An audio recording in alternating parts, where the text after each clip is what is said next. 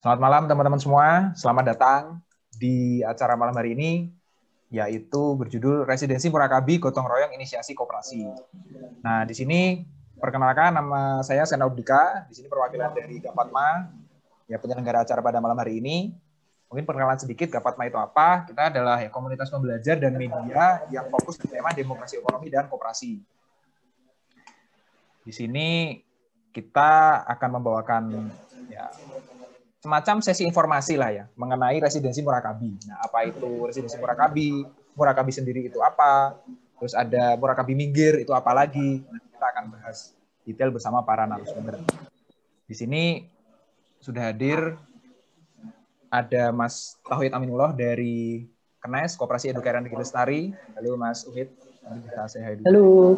Hai. Selamat malam. Malam.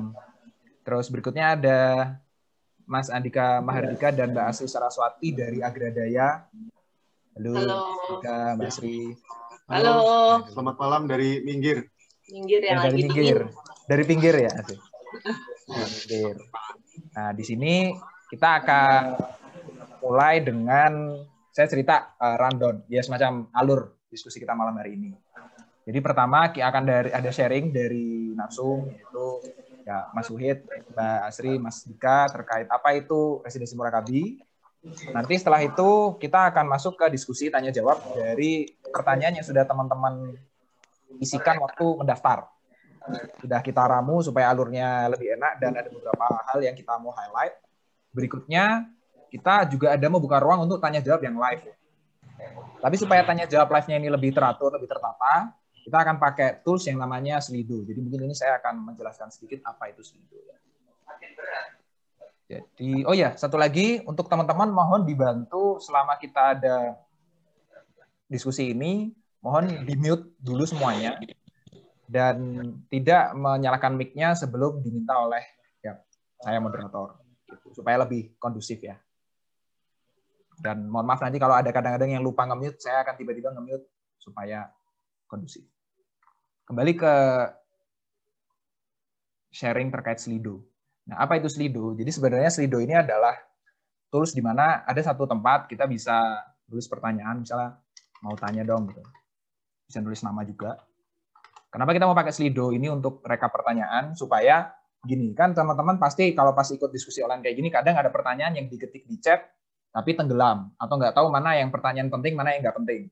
Nah kalau kita pakai Slido seperti ini teman-teman yang belum kepikiran pertanyaan tuh bahkan bisa ngevote. Pak, aku suka nih pertanyaannya si Sena. Bagus pertanyaannya, bisa di like. Jadi nanti kita akan mulai dari pertanyaan yang like-nya paling atas. Ya kita kan ceritanya mau bikin koperasi ya kan demokratis. Jadi ya voting yang paling atas itu yang kita tanyain duluan karena waktu kita juga terbatas. Jadi nanti saya akan berkali-kali mengingatkan untuk mengakses halaman Slido ini. Saya akan share nanti di sebenarnya di email saya udah sempat nge-share ya. Nanti saya akan kasih linknya berkali-kali di grup chat supaya teman-teman nggak lupa untuk selalu ngecek. Karena tadi bisa buat nanya, bisa juga kalau nggak kepikiran, wah aku mau nanya apa ya, buka aja linknya terus wah ini pertanyaannya si Joni bagus nih, like aja pertanyaannya Joni gitu kira-kira. Oke, saya kembali lagi ke alur diskusi. Saya akan share di di grup chat ya. Silakan bisa dicoba dan mohon dikasih nama jelas karena nanti waktu kita diskusi supaya tahu nih kalau pertanyaannya kurang jelas atau sudah dijawab tapi ada pertanyaan lanjutan, kita bisa mention, oh ini pertanyaannya Ahmad gitu. Gitu ya teman-teman, mohon. Jadi sambil buka Zoom-nya, sambil buka link-nya supaya bisa siap-siap mau nanya apa. Tapi tadi kita akan mengutamakan pertanyaan dari teman-teman yang sudah mendaftar dulu karena itu sudah disusun. Kita akan tanya jawab yang dengan selido itu di akhir setelah selesai. Nanti ya pas Lido itu bisa teman-teman nyalain mic untuk menyampaikan langsung dan diskusi dengan para narasumber. Begitu. Cukup jelas ya. Semoga teman-teman jadi jangan lupa cek link Slido-nya sambil mendengarkan diskusi dan menonton diskusi pada malam hari ini. Itu saja. Sekali lagi reminder, mohon dibantu untuk mute dan mohon maaf kalau nanti saya harus nge-mute beberapa yang lupa nge-mute dan Mangga kalau mau nge-share link diskusinya ke teman-temannya yang lain, karena ini memang info session, sesi informasi, jadi ya silahkan aja dibuka, siapa pun yang pengen tahu bisa gabung ke acara malam hari ini. Dan juga acara malam hari ini direkam ya, supaya lebih banyak orang bisa tahu nanti ketika yang belum bisa gabung malam hari ini. Baik, kita akan masuk ke acara pertama, yaitu sharing dari narasumber. Saya serahkan kepada Mbak Asri, monggo Mbak untuk mulai. Hmm, terima kasih Mas uh, Sena dan halo teman-teman. Uh, um, aku uh, langsung mulai ya dari awal murakabi kali ya Mas ya. Boleh. Dari awal murakabinya dulu gitu. Awalnya sebenarnya murakabi ini kita kenal dengan inisiator-inisiatornya itu di tahun 2018 waktu itu di Arjok gitu.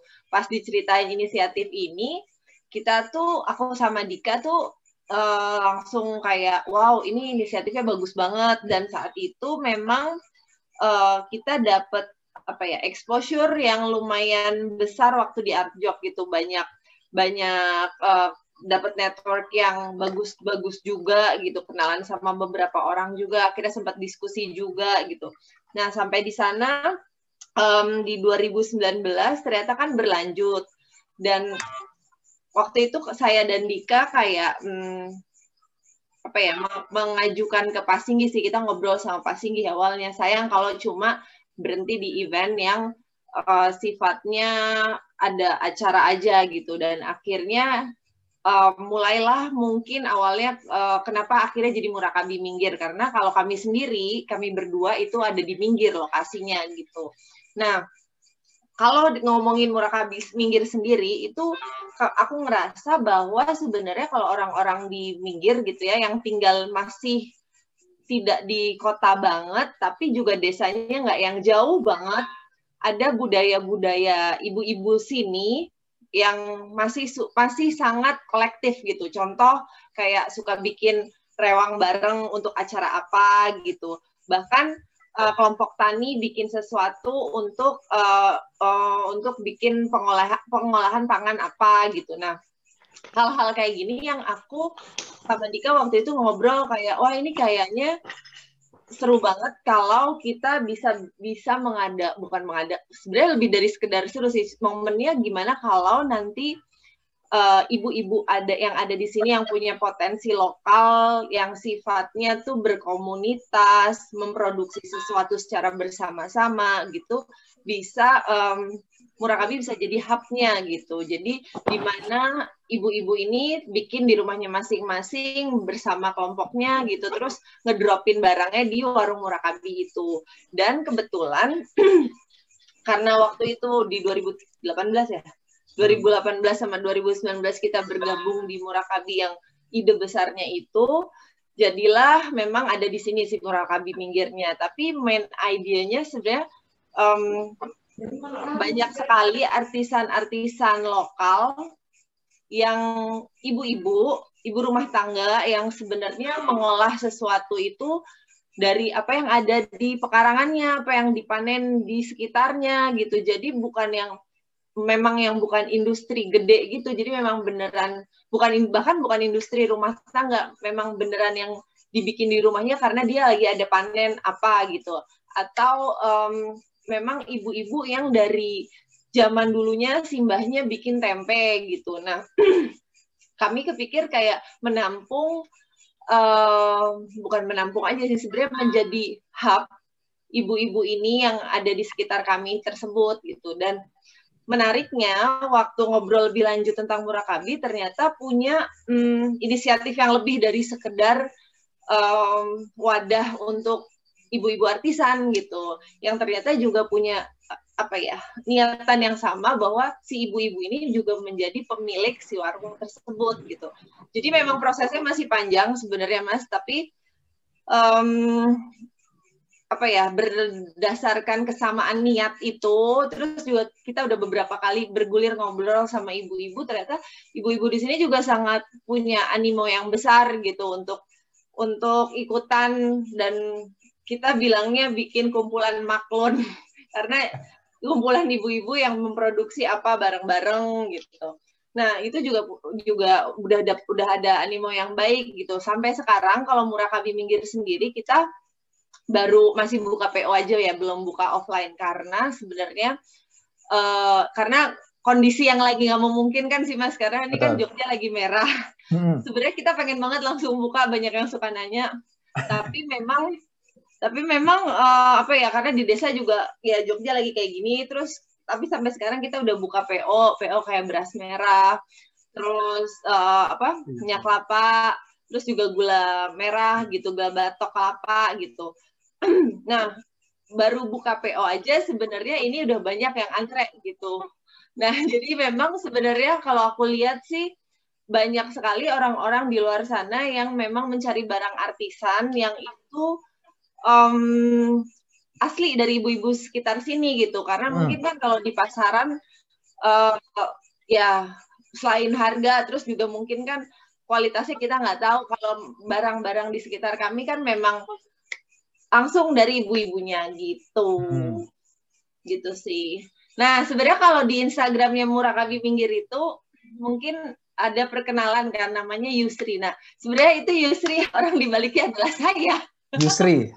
Oh, iya, okay. jadi jadi emang uh, sebenarnya nggak by design, dibilang by design atau enggak juga enggak sih sebenarnya karena aku ngerasa pendekatannya Murakabi Minggir ini kan emang ibu-ibu banget gitu. Jadi memang ibu-ibu di desa bersama ibu-ibu uh, kumpulan ibu-ibu yang lain gitu. Jadi uh, adminnya menamai dirinya Yusri. Nah, itu sebenarnya dari Asri kali ya, aku juga nggak tahu sih. personanya ya, personanya Yusri itu representasi gitu. ibu-ibu sekitar ya. Uh, uh, gitu sih, Mas. Gitu. Apalagi? Kalau dari aku sih itu kali ya Mas ya tentang residensi atau apanya mungkin nanti biar Mas Tohid aja sih. Oh oke. Okay. Mungkin kalau terkait murakabi minggirnya Mas Andika atau Mas Tohid mau menambahkan ini sebelum kita masuk ke yang Mas residensinya sendiri.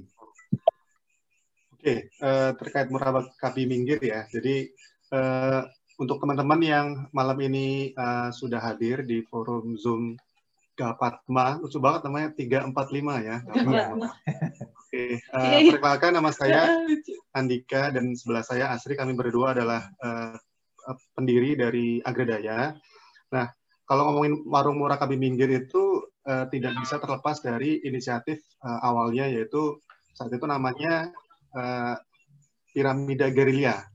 Nah, apalagi tuh piramida gerilya. Jadi uh, dulu sesepuh bukan sesepuh ya, istilahnya tetua mungkin ya. Jadi senior. senior seperti Pak Sigi Susilo Kartono, kemudian ada Mbak Santi dari Indi Grelas, kemudian ada Mas Miko, ada Mas ada beberapa eh, orang-orang uh, yang punya fokus terhadap sebetulnya ketika kita berbicara tentang nilai kegotong royongan di dalam masyarakat itu ketika kita lihat sehari itu ternyata ada dalam tiga hal hmm. yaitu di perkara sandang, pangan dan papan.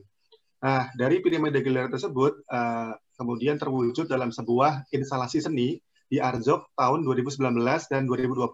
Nah, di 2019 itulah Agredaya bersama dengan saat itu ada hampir 20-an uh, eh, artisan dalam bentuk sandang, pangan, dan papan itu yang diajak dan dikumpulkan.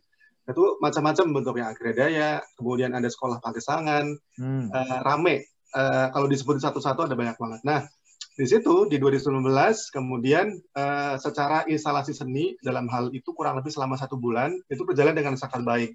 Jadi animonya apalagi dari Pak Singgi sendiri yang sudah apa ya secara skala nasional itu punya punya apa ya banyak pengikut, punya banyak uh, sudah ngasih banyak inspirasi ke orang. Jadi ketika kami sebetulnya sangat beruntung sih sebagai yeah. institusi agredaya yang masih baru, masih muda juga, baru mulai bisa diajak dan terlibat terhadap uh, pola kegotong royongan dalam hal sandang, pangan, dan papan. Nah, singkat cerita, ketika 2019 ke 2020, uh, saat itu sebetulnya sudah ada semacam desas-desus atau semacam uh, isu untuk murakabi ini dari yang sebelumnya hanya sebuah bentuk seni yang istilahnya dilihat dan didatangi saat itu di apa namanya ya dia instalasi arjok. Nah, Masa. ini gimana kalau dibikin dalam bentuk uh, kegiatan yang offline yang kemudian bisa dijam, didatangi, dilihat langsung dalam kehidupan sehari-hari. Nah, gonjang ganjingnya pun saat itu lumayan rame tempatnya di mana. Jadi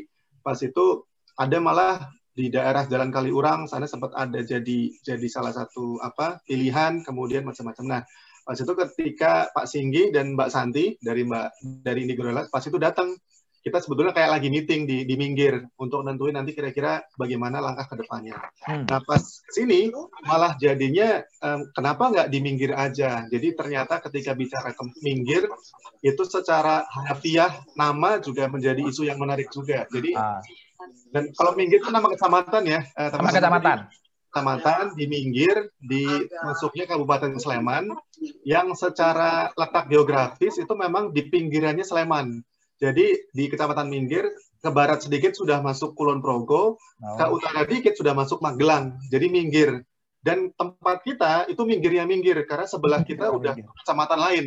Dan kita deket banget ke Kali Progo dan ke Magelang. Nah, ah. kemudian di 2020 uh, eh, inisiatif makin ramai. Jadi saat 2020 sandang, pangan dan papan. Nah, saat itu Pak Singgi, Mbak Santi ini merasa ada sesuatu yang kurang nih. Uh, ada unsur yang sifatnya lebih ke yang ke jiwa, ke jiwa, ke pikiran yang lebih tenang. Ini mesti ada satu hal yang bisa merekatkan sandang, pangan, dan papan. Akhirnya masuklah satu di sini namanya puisi. Sandang, oh. pangan, papan, dan puisi. Nah, di sini lebih ke maknanya tentang hidup berkesadaran melalui media uh, seni. Nah, saat itu bergabunglah beberapa kolator yang baru, seperti Pak Joko Pinurbo, yang kita tahu sendiri maestro puisi uh, apa Indonesia juga. Kemudian ada Mas Cindil yang sempat main film Istirahatlah Kata-kata yang jadi biji ah. Kemudian juga bergabung uh, Pak Eko Prawoto, uh, arsitek senior yang sudah banyak melahirkan karya-karya yang luar biasa. Nah, dari sini kemudian ada juga saya lupa nyebutin Mas Lulu Lutfi Bibi yang concern banget terhadap apa sustainable fashion, sustainable fashion kayak uh, tenun, lurik segala macam. Nah, dari situlah Desember lalu kita akhirnya bisa ketemu semuanya dan merumuskan uh, nanti Murakabi minggir. Nah, Murakabi sendiri saya juga ketika awalnya tuh kirain nama Murakabi itu dalam bahasa Jepang. Karena kan ah, agak-agak Pilnya kayak Jepang-Jepang gitu. gitu. Terus kan logonya tuh merah. Iya.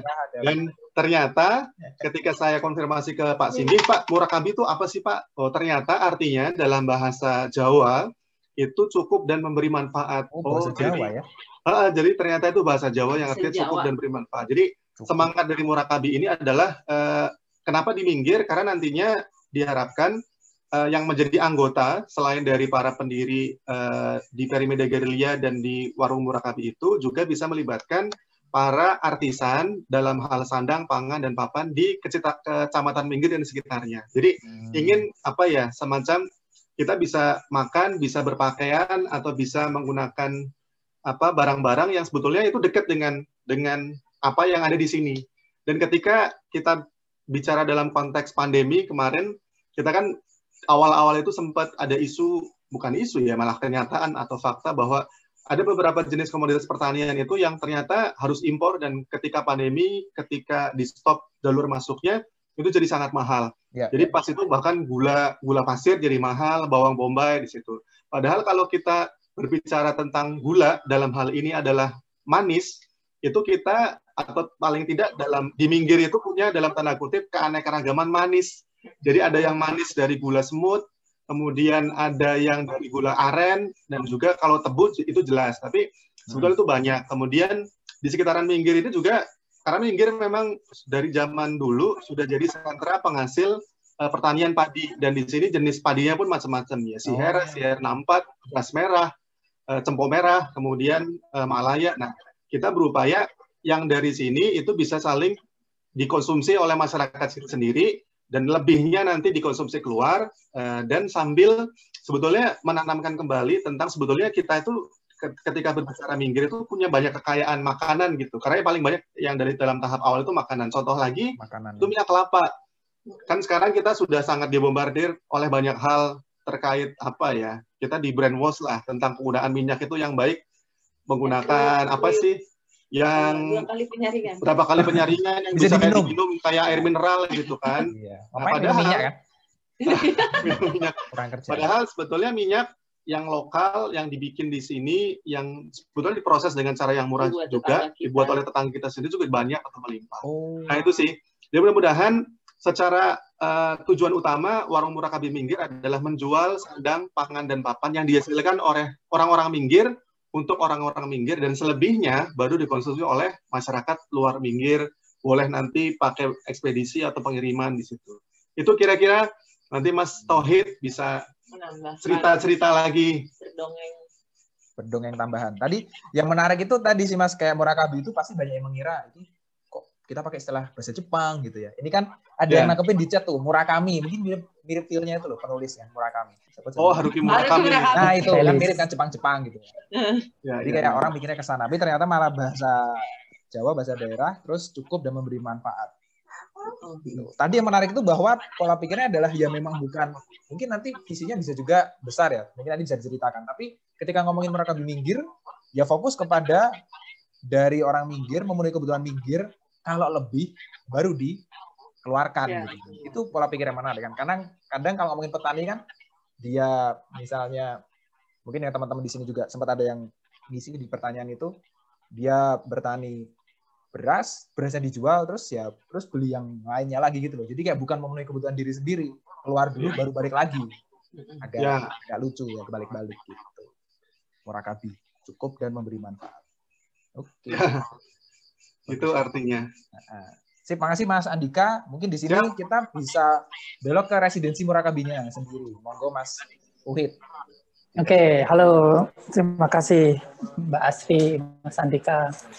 Um, mungkin kalau tadi Mbak Asri sama Sandika bicara lebih banyak tentang minggir sebagai warga minggir, ya. saya mungkin akan lebih banyak cerita tentang uh, residensinya ya, dan mungkin terkait dengan kooperasi yang ingin kita uh, bikin di sana, gitu ya. mungkin tentang kooperasinya dulu. Uh, aku ceritanya pakai alat ya. Boleh. Mau share screen, Mas? Aku share screen ya. Bisa harusnya mau coba cek.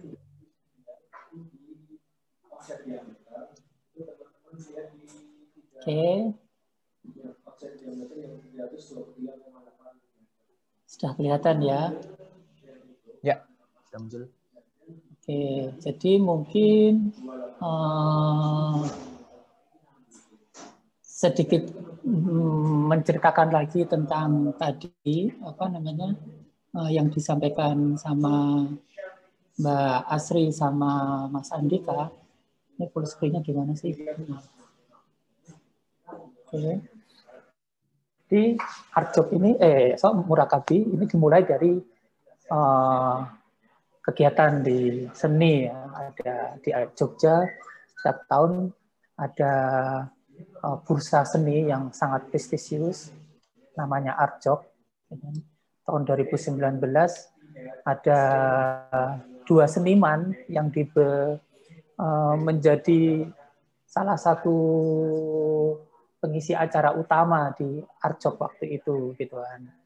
Nah ini dua seniman ini uh, sebelumnya belum pernah berkolaborasi bareng, bahkan mungkin belum belum kenal gitu kan, yaitu Pak Singgih Kartono ya, di Temanggung dan uh, Indi Garilas. Indi Garilas itu ada Mbak Santi dan uh, Mas Miko Bawono gitu kan.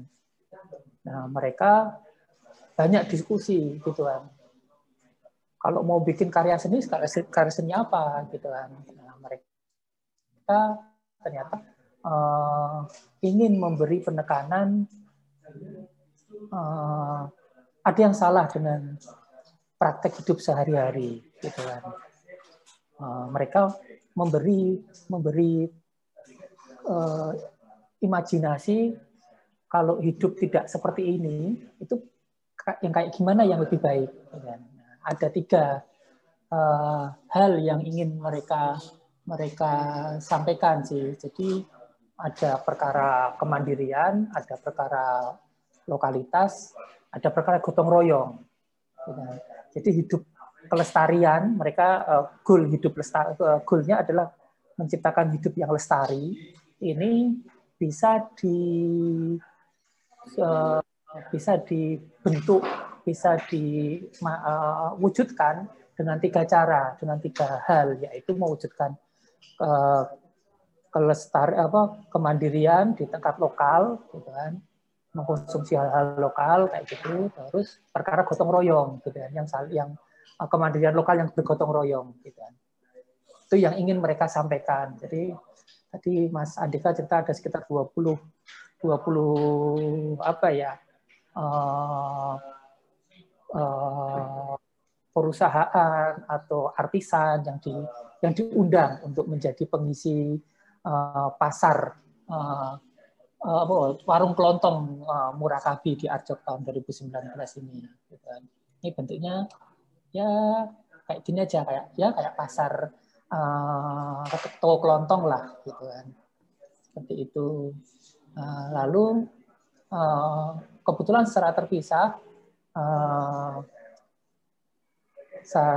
dari Kenes dan uh, Agradaya punya ketertarikan untuk mengembangkan lanjut gitu. Jadi uh, setelah acara di uh, Arjok 2019 ini murakabi itu harusnya kayak gimana gitu. Nah, kita pengen nilai-nilai uh, yang sudah disampaikan di uh, forum Arjok tahun 2019 itu bisa menjadi sesuatu yang sesuatu yang uh, apa ya uh, berkelanjutan lah tidak tidak cuma sekedar di uh, di di acara Arjok saja gitu kan. Nah, secara tidak uh, berjanjian kami menawarkan diri untuk me, uh, melanjutkan lah cita-cita Eh, nilai-nilai uh, yang ada di nilai-nilai yang ada di apa namanya di Murakabi yang sudah uh, dirintis dari dari uh, tahun 2019 waktu Arjok tahun 2019. Kalau saya pribadi uh, kelancangan kami meminta meminta apa ya men, mengajukan diri untuk melanjutkan apa yang sudah dirintis Eh, nilai-nilai yang kami lihat sangat bagus ini itu karena melihat uh, Murakabi waktu itu masih sekedar uh, karya seni gitu. Dan kalau uh, uh, saya meyakini yang namanya karya seni ini kalau sudah dilemparkan ke publik gitu, seniman sudah nggak punya hak lagi untuk mengadvokasi karyanya. Hmm sebaik apa pun nilai yang ingin di ingin di eh, ya, yang ditampilkan di karya seninya eh, karya seni itu sudah milik publik yang membeli interpretasi adalah publik gitu kan. Ya. ada satu buku uh, sangat terkenal judulnya uh, The Death of Author gitu kan. The Death of Author itu uh, momentumnya adalah kelahiran pembaca kelahiran pembaca seni gitu kan. Kelahiran. Nah, kami melihat harusnya ketika murakabi nilai-nilai baik yang ada di murakabi ini untuk bisa uh, untuk bisa dilanjutkan itu bukan oleh para senimannya yang produksi tapi oleh orang-orang pembaca karya mereka yang melihat ini ada yang bagus gitu. Nah, waktu itu uh, kebetulan juga Agradaya punya punya uh, keinginan yang sama. Ya udah kita barengan saja gitu. Jadi yang akan kita yang kita tawarkan Murakabi ini menjadi sebuah gerakan yang permanen. Gitu. Di situ ada kooperasi Murakabi Movement yang isinya adalah lebih banyak seniman atau uh, uh, orang-orang yang uh, punya pemikiran tentang uh, hidup di masyarakat itu yang uh, alternatif hidup di masyarakat yang seperti apa ya lebih baik gitu yang uh, yang mampu menjaga kelestarian gitu kan. Nah, Murakabi Movement ini ini bakal kooperasi Murakabi Movement ini menginisiasi kooperasi-kooperasi yang dimiliki oleh uh, masyarakat gitu kan. Nah, tempat pertama yang yang diinisiasi oleh Murakabi Movement untuk membuat kooperasi di tingkat masyarakat yaitu di Minggir uh, bersama Agradaya sebagai fasilitator untuk uh, tempatnya untuk penyelenggaraan uh, inisiasi kooperasi tersebut. Gitu. Di, di di sini ada kooperasi Murakabi Movement menginisiasi untuk bisa muncul kooperasi warung Murakabi Nah, ini bentuknya kalau di kooperasi ini kan harusnya tidak kooperasi itu kan harusnya bentuknya mandiri. Dia tidak dia tidak apa ya tidak menggantungkan uh, just, uh, tidak punya uh, apa namanya ketergantungan ke pihak pihak luar gitu kan. Nanti pengennya kita koperasi warung murakabi mandiri jadi entitas yang mandiri juga hmm. berhubungan dengan koperasi murakabi movement itu bareng-bareng menginisiasi koperasi sekunder yang sementara kita kasih nama koperasi semesta murakabi. Ini lebih ke bagaimana uh, koperasi semesta murakabi ini membangun sebuah uh, ekosistem gitu kan kemandirian masyarakat di tingkat uh, masyarakat gitu ya orang politik tentunya grassroots lah gitu kan hmm. di tingkat lokal gitu kan yang mereka saling bisa bergotong royong untuk memenuhi kebutuhan mereka itu seperti apa saja gitu kan Tuh. Nah, ini yang mungkin uh, menjadi gambaran kooperasi yang ada di di Murakabi uh, yang akan dirintis sama Murakabi itu kayak gimana. Jadi bukan cuma satu kooperasi, tapi akan ada banyak kooperasi. Nanti kita pengennya ya banyak kooperasi uh, semacam warung Murakabi yang di minggir itu bisa terreplikasi di banyak tempat gitu kan. Bahkan mereka bebas juga nggak harus menggunakan kata minggir, eh sorry sorry kata Murakabi gitu kan. Hmm. Uh, karena kami lebih percaya tentang nilai-nilai yang ada di dalamnya gitu kan. Nilai substansinya itu apa gitu kan. Kita ingin bisa banyak eh, pola-pola uh, yang sudah jalan di minggir itu bisa direplikasi diperbaiki gitu kan. Ini nanti uh, pengen ada banyak semacam itu hal dengan dengan praktek yang lebih baik. Mungkin itu kalau tentang kooperasinya terus kalau perkara residensi sih sebenarnya kami melihat untuk uh, mulai membuat koperasi ini agak susah ya di, di Indonesia karena ada banyak masalah. Bahkan di koperasi sendiri ada masalah, ada banyak masalah gitu kan. Mungkin sampai sekarang tidak ada role model koperasi di Indonesia yang bagus gitu kan yang mandiri, yang mampu menghidupi anggotanya, gitu, yang memberi manfaat masyarakat, gitu, itu belum belum banyak. Jadinya masyarakat masih agak bingung dengan, oh ini mau bikin koperasi, gitu. Justru ketika kami difasilitasi oleh teman-teman agradaya, ketemu dengan uh, warga sekitaran uh, agradaya, sekitaran warung murah Minggir, mereka antipati dengan koperasi. Gitu. Oh reputasinya Asri sudah ketawa. reputasinya sudah hmm. seperti itu ya. Iya, jadi ketika oh ini ini tuh mau bikin koperasi, jangan, jangan dong bikin jangan bikin koperasi, nanti kalian nggak boleh masuk kampung sini loh. Gitu. oh dikiranya koperasi ini kali ya, simpan pinjam. Iya, di sana itu banyak koperasi, eh, banyak rentenir yang berubah jadi koperasi gitu kan. Iya, iya. Itu hasil dari ya sebagian besar koperasi di Indonesia kan koperasi simpan pinjam.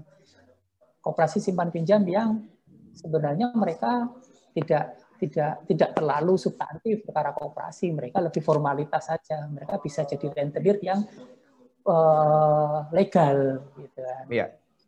Nah, efeknya di minggir ini uh, kebetulan di kampung di kampung uh, tempat agradaya ini di desa ini mereka sudah punya kesepakatan operasi dilarang masuk. ya, kekuatan tidak tertulis gitu kan. Nah, mereka khawatir gitu kan. Oke, kalau gini berarti PR teman-teman uh, uh, fasilitator sangat berat gitu kan. Untuk memulai kooperasi uh, di minggir gitu kan. Terkait uh, pasar, terkait anggota yang ingin kita yang harusnya menjadi bagian dari pemilik, gitu, mm -hmm. mengambil manfaat dari adanya kooperasi ini, gitu. itu pun uh, uh, apa ya susah ya, gitu kan. Nah lalu kami uh, menggunakan masalah ini menjadi solusi uh, lain, yaitu kami membuka diri untuk siapa saja bisa terlibat bergotong royong, uh, ya memper uh, mengajak gitu kan. Atau merintis menginisiasi kooperasi itu bisa dibikin seperti apa? Hmm. supaya nantinya bisa dimiliki dikelola dimanfaatkan sepenuhnya oleh warga sekitaran Minggir gitu kan. Nah, residensi ini menjadi tawaran dari Murakabi Movement atau teman-teman di eh, Murakabi uh, warung Murakabi Minggir untuk bisa siapa saja bisa terlibat di sini uh, mengambil peran uh, bergotong royong menginisiasi kooperasi di Minggir melalui residensi gitu kan. Nah, residensi sendiri di Kenes sudah mempraktekkan dari tahun 2014 gitu kan. Uh, mungkin bagi kalau uh, residensi sang, uh, belum hanya akrab di teman-teman pegiat seni ya karena ada residensi seni gitu kan. Hmm. Atau mungkin dari uh, resid, uh, praktek pendidikan kedokteran spesialis gitu kan ada residensi untuk menjadi untuk bisa jadi dokter spesialis mereka harus uh, menempuh metode, uh, program belajar uh, dokter spesialis yang model belajarnya dengan residensi. Nah, kalau di kami di Kenes melihat residensi ini sebagai sebuah pola belajar yang sangat erat kaitannya dengan praktek belajar di era klasik. Gitu. Sekarang kita di era modern kalau mau belajar pilihannya ya sekolah secara formal gitu kan. Yeah. Nah, zaman dulu di era klasik eh, kalau mau belajar ya tinggal datang aja ke ahlinya gitu kan. Menyatakan diri mau belajar dan memberikan sikap belajarnya seperti apa gitu kan.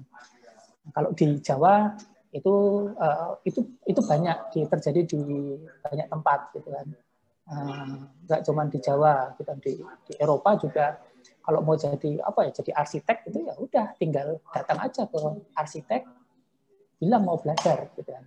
Hmm. Nah, kalau di Jawa eh, praktek seperti itu namanya nyantrik gitu kan. Uh, nyantrik ini sekarang sudah tidak populer padahal itu bisa uh, atau mungkin kalau kaitannya cuma di kegiatan seni, padahal itu bisa dilakukan di kegiatan yang non seni, gitu kan. Yeah. Model belajar melalui uh, model nyantrik ini. Gitu kan. Nah nyantrik di Jawa itu akhirnya ber, uh, banyak bertransformasi ketika agama Islam um, berkembang di Jawa, mereka menggunakan pola belajar tradisional itu, klasik itu dengan bentuk pesantren. Gitu. Oh, okay. Kalau di uh, kalau di nyantrik ini kan orang yang belajar disebut cantrik. Gitu. Terus kalau uh, di agama Islam mereka memodifikasi jadi santri. Santri, ya. Tempat belajar santri namanya pesantren. Ya, itu model belajar tradisional gitu kan, yang khas Jawa. Nah, kami uh, ingin juga hal hal-hal tentang pendidikan gitu kan, itu juga bisa terkelola melalui model-model pengorganisasian kooperasi gitu kan. Kooperasi ini kan harusnya kan upaya pemenuhan kebutuhan bersama.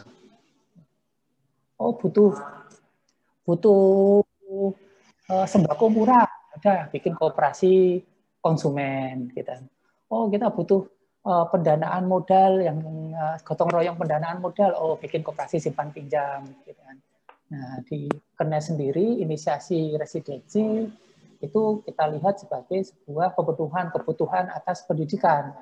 Oh kita ingin memiliki sekolah yang mandiri gitu kan, yang tidak terkooptasi oleh kepentingan negara dan industri. Ya udah masyarakat bikin sekolah sendiri, eh, membuat membuat infrastruktur pendidikan yang dimiliki oleh masyarakat. Nah hal-hal ini juga ya, kemudian eh, beberapa dikembangkan juga di Murakabi. Mungkin seperti itu kalau saya sedikit cerita tentang uh, apa ya perencanaan kooperasi di uh, ekosistem Murakabi atau semesta Murakabi itu seperti apa, lalu uh, residensi itu gimana. Dan mungkin itu dulu nanti kalau mau dilengkapi uh, boleh. Siap, berarti kita masuk ke diskusi lanjutannya. Makasih Mas Uhid untuk penjelasannya terkait residensi backgroundnya seperti apa dan kenapa namanya residensi. Mungkin untuk lanjut di situ, saya mau spesifik masuk ke residensi dulu sebelum uh, melebar ke beberapa topik yang lain ya. Residensi ini tuh sebenarnya apakah tadi kan Mas Nahud sempat bilang ya mengajak siapa yang mau terlibat ya. Tapi ini apakah bisa daring atau harus offline? Pertanyaan pertama. Nih, kita belum punya kompetensi untuk menyelenggarakan secara daring. Pengennya sih model-model belajar ini bisa diselenggarakan dengan daring, tapi kayaknya kompetensi kami belum belum mumpuni untuk untuk mengelola model belajar daring. Jadi ini sepenuhnya masih offline. Berarti full empat nah, bulan itu offline di Minggir ya? Ya, jadi eh, empat bulan, satu bulannya itu lebih banyak uh, mekanisme belajar, gitu kan. Lalu tiga bulan berikutnya itu terlibat operasional warung. Bagaimana mengembangkan warung, gitu kan. Uh, bagaimana membangun koperasi di sana yang bentuknya warung itu, gitu kan oke ini koperasi bentuknya warung. Ini bukan terus kemudian ini koperasi uh, konsumen kayak Kopma, kayak apa namanya toko-toko koperasi bentuknya toko-toko kelontong gitu ya. kan. Ini uh, produsennya juga dari lingkungan situ. Produsen lingkungan situ, pasarnya ekosistem di situ, juga. target utamanya adalah uh, masyarakat situ gitu kan. Kalau yang jauh itu bonus saja lah gitu kan. Okay. Jadi di sana juga memproduksi barang sendiri, mengkonsumsi barang sendiri, gitu sebisa mungkin uh, semua kebutuhan uh, sandang, pangan, gitu kan. Kalau bisa ya kapan itu ya bisa di, dipenuhi secara bersama, ya. gitu kan. Oke. Okay. Secara gotong royong tadi.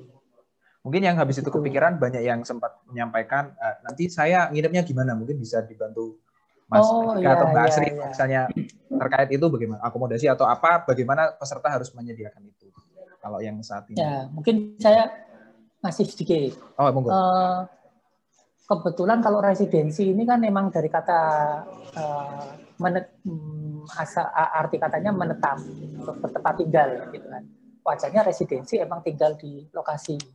Cuman sampai sekarang emang kita belum mewajibkan untuk tinggal. Uh, untuk warga untuk peserta residensi yang tinggalnya nggak jauh dari Minggir, gitu. Misal dari Jogja, itu masih bisa lah bolak-balik gitu kan, komut di situ komuter. Cuman untuk yang dari luar kota, ya misalnya yang luar kota. perlu mengarahkan untuk bisa ngekos gitu kan di sebelah ah. sebelah uh, apa namanya Agradaya. Nah, mungkin nanti nah. dari Mbak Asri bisa tambahi itu gimana tuh? Kos si Agradaya kayak gimana di sekitar Agradaya. Nah, mungkin itu dulu mau Mbak Asri atau Mas Dika. Ya, kalau di sini sebetulnya kan memang warung Murakabi yang memang bersebelahan dengan uh, lokasi produksinya Agredaya itu berada di tengah-tengah kampung di dusun namanya dusun Planden di desa Sedang Rejo. Jadi hmm. kita terutama sebelum pandemi kemarin itu sering bikin aktivitas kayak live in atau ah. di keluarga gitu. Jadi tapi memang belum selama sampai empat bulan ya. Tapi ya. Uh, bisa possible sih untuk nanti tinggal di salah satu rumah warga. Ah oke okay, oke. Okay. Ini terutama untuk menjawab yang dari luar kota ya. Siapa tahu kan memang ya. bukan daerah Jogja gitu. Jadi perlu memikirkan itu. Terima kasih. Berikutnya kalau uh, kriteria seleksinya nanti seperti apakah sebenarnya? Bisa dibantu. Bagaimana tipe orang yang diharapkan bisa join? Seleksinya seperti apa? Ya, saya lupa pernah mencatat itu. saya ngintip dulu. Oh, ngintip dulu. oh, ketutup. Nah, mungkin ditambah sedikit sambil nyari, ini ada uh, yang penasaran. Kan yang diarahkan itu terkait videografi pertanian regeneratif gitu ya. Kalau memang hmm. saya tidak punya latar belakang di situ, apakah masih bisa? Oke, saya jawab yang itu dulu, masih bisa. Oh. Itu lebih ke penekanan-penekanan aja. Kira-kira di masa residensi yang pertama ini kita akan perlu apa aja sih gitu kan oke kita melihat tiga itu yang akan jadi uh, kegiatan atau konsentrasi uh, utama ya dari Murakabi hmm. gitu kan, dari residensi gitu kan tapi sebenarnya untuk orang untuk yang tidak punya latar belakang keahlian di situ atau pengalaman di situ juga masih bisa uh, uh, untuk bergabung gitu kan Terus untuk kriteria eh, sebenarnya ada di dokumen eh, itu sih itu bisa dibaca. Ya kami enggak terus eh, umum aja sih. Itu sudah cukup dewasa kita karena kami mereka akan terlibat bekerja. Jadi kalau masih anak-anak kami khawatir kena pasal uh, itu masih anak uh, pemerkerjaan anak-anak gitu kan di bawah umur gitu kan. Hmm. Gitu. Masa uh, masih 11 tahun sudah kita suruh jaga warung, suruh memproduksi barang bersama masyarakat, nanti kita kena, kena pasal pekerjaan anak gitu kan. Uh, di situ juga punya keinginan untuk belajar dengan cara-cara yang tidak tidak tidak tidak kayak anak sekolahan lah gitu kan. Hmm. Di anak di sekolahan kan kita belajar datang ke sekolah yang gedungnya bagus gitu kan. Nanti kita akan duduk di sana datang orang yang mau ngajarin gitu kan. Di model residensi ini yang kalau mau belajar ya dia harus aktif belajar. Mencari gurunya bahkan datang ke guru-gurunya gitu kan. Mencari. Terus dia harus tahu uh, bagaimana memberi solusi uh, di sana supaya dia ikut belajar. Jadi ikut cara model belajarnya adalah ikut terjun langsung bersama bersama tempat belajarnya, gitu kan, memberi solusi apa ya di sini perlu apa aja, gitu kan. Gitu. Jadi di sana hitungannya di model belajar belajar uh, lewat residensi atau model belajarnya antrik ini prinsip utama ya mereka harus mampu belajar secara mandiri. Biasanya anak-anak uh, umumnya uh, anak sekolahan gitu kan, mereka kalau mau belajar ya minta diajarin. Iya. Yeah. di sini harus mau inisiatif gitu kan. Belajar secara mandiri seperti apa, datang ke orang untuk mau belajar itu caranya bagaimana gitu kan. Belajar Nah, terus di sini juga inisiatif, mandiri, terus belajar secara reflektif. Gitu. Refleks, uh, refleksi ini lebih ke kita mengalami sesuatu, melihat sesuatu, memberi penilaian sesuatu, gitu kan. Dan uh, di sini ada ada peran apa namanya uh, uh, anak uh, berpikir analitik, gitu kan. Jadi tidak tidak sekedar kata buku kayak gitu, kata guru kayak gitu. Enggak, gitu kan. Kita justru perlu juga omongan guru, omongan buku ini perlu diperiksa lagi. Benar enggak sih gitu kan.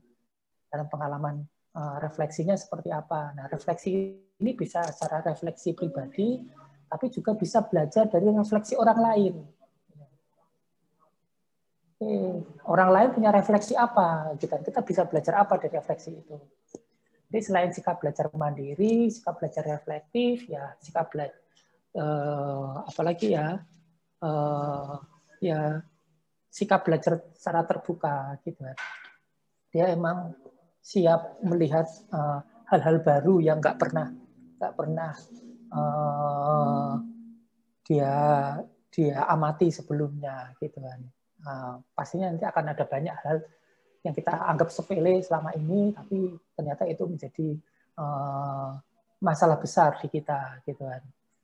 Misal, ternyata kita selama ini nggak makan apa makannya kalau mak, uh, hanya mau beras, hanya mau nasi, gitu kan. Ternyata itu memberi efek ke uh, impor pangan kita, gitu kan. atau uh, uh, kelestarian uh, ekosistem, gitu kan. Karena untuk menanam padi terus gitu kan. Tahun tiga kali itu berdampak ke ekologi gitu kan. seperti itu hal-hal yang selama ini nggak pernah di nanti di residensi akan banyak. Um, melihat itu konteks kelestarian itu permasalahannya ada di mana saja lah gitu. Seperti itu kira-kira kalau kriteria residensi. Kriteria seleksinya ya. Mungkin dari Mas Dika atau Mbak Asti ada beberapa uh, tambahan terkait sebenarnya siapa sih orang yang diharapkan bisa masuk join ke residensi? Ya, oke. Okay. Uh, eh, menambahi apa yang disampaikan Mas Tohir, sebetulnya kalau secara nanti apa ya aktivitas yang dilakukan itu nanti bersama dengan uh, Yusri kemudian ya, Yusri. dan beberapa teman-teman di Agredaya itu kita kayak apa ya istilahnya sama-sama mengorganisir di Murakabi, uh, di Murakabi mengorganisir masyarakat jadi kayak terutama yang terkait dengan uh, edukasi tentang mungkin nggak harus tentang kooperasi langsung ya, tapi lebih ke bagaimana sih melakukan kerjasama tim, kemudian uh, membuat uh, ke, apa usulan kegiatan supaya murakat, warung murakabi ini uh, aktif dan rame gitu, baik untuk pengunjung dari luar ataupun nanti uh, untuk masyarakat yang ada di sini. Jadi hmm. punya kemampuan untuk uh, bersosialisasi atau mengorganisir masyarakat itu yang penting juga sih, Mas Yana. Gitu. Oke, okay, masyarakat. Yusri, monggo Yusri. Yusri. Masak bikin kopi bikin ya sih sebenarnya nggak harus masak juga cuman um, kalau dari aku sih yang penting uh, mau belajar ya mau belajar ini spektrumnya kan luas banget nih ya betul karena kalau kalau aku lihat sih sebenarnya kan ada ada ada beberapa jenis orang-orang yang memang uh, ini jadi cerita panjang lebar nggak apa-apa ya mas kalau aku cerita yang panjang gitu. Masih ada masih ada waktu. Jadi sebenarnya selama perjalanan ini dengan uh, sebelum mengenal konsep presidensi dari Mas Tohid, hmm. aku sendiri juga memahami sih betapa sulitnya institusi-institusi uh, institusi-institusi kecil dan usaha-usaha kecil seperti Agradaya, terus mungkin teman-teman juga pernah punya uh, usaha-usaha sendiri gitu ya, atau kayak wiki wiki kopi atau segala macamnya ya, teman-teman usaha-usaha kecil ini ketika kita mau merekrut atau meng, apa ya, mendapatkan uh, teman uh, bekerja tapi uh, punya pemikiran yang sama, itu ya. susah banget gitu. Sulit, sulit. Sulit sekali. Dan tingkat kesulitannya sebenarnya menurutku bukan pada di level kita hmm. bisa buka oprek di mana-mana kalau kalau di industri kan gitu ya. Yeah. Tapi menjaring orang-orang yang punya punya uh, apa ya intention yang sama, terus yeah. keinginan dan pace kerja yang sama gitu. Itu kan cukup cukup uh, agak apa ya cukup sulit gitu didapetinnya. Nah Terus kalau di Murakabi sendiri nanti akan bagaimana? Harapanku sih sebenarnya orang-orang yang bergabung ini memang punya keinginan belajar yang sangat besar. Kenapa harus uh, dari keinginan belajar dulu? Karena kalau aku ngerasa the, di awal Agradaya itu aku pribadi dan Andika memang kami ngerasa membangun Agradaya itu dan tim pertama di awal itu yang ditekankan adalah uh, apa ya poin-poin belajar yang didapat ketika kamu berkembang dan bertumbuh bersama institusi kami ini gitu bersama komunitas ini gitu jadi uh, aku percaya ada dua dua jenis anak muda yeah. yang satu oh. yang memang pengen belajar yang satu yang mungkin memang harus memenuhi sesuatu dulu which is normal gitu ah. yang juga yang juga itu normal gitu dan um, aku berharapnya bertemu dengan eh, orang-orang uh, yang mau belajar dulu karena di sini kita di awal nih masih merakit sistem juga gitu. Jadi kalau ditanya apakah sistemnya sudah fix, tentu saja belum gitu. tentu saja belum kita akan belajar bersama membentuk itu gitu.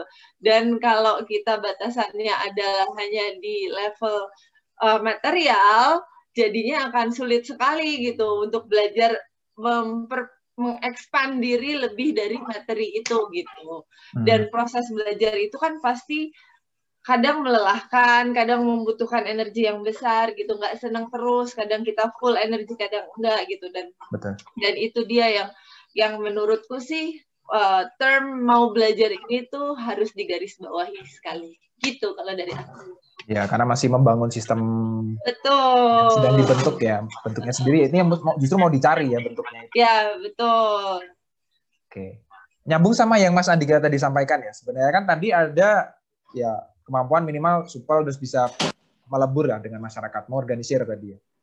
Sebenarnya apakah nggak ada kekhawatiran apa ya kayak misalnya kan ini idenya kan dari teman-teman agradaya, kemes dari luar ceritanya, walaupun warga minggir juga kan Mas Andika dan Mbak Asri tapi supaya itu nggak jadi sesuatu yang apa ya eksklusif gitu, supaya ini menjadi idenya bareng-bareng warga sekitar yang tadi ibu-ibu artisan itu, apakah ada cara-cara tertentu supaya itu bisa jadi cita-cita bersama gitu? Ya, mungkin ini yang uh, paling sulit sebenarnya. Ya. Bagaimana? Gimana tuh? Uh, di, di kooperasi itu kan harus uh, ada satu nilai kesetaraan gitu kan. Nah Nah, kesetaraan ini wujudnya ya bikin kooperasi setidaknya harus punya apa ya cita-cita yang sama gitu kan. Hmm. Arahnya bagaimana gitu.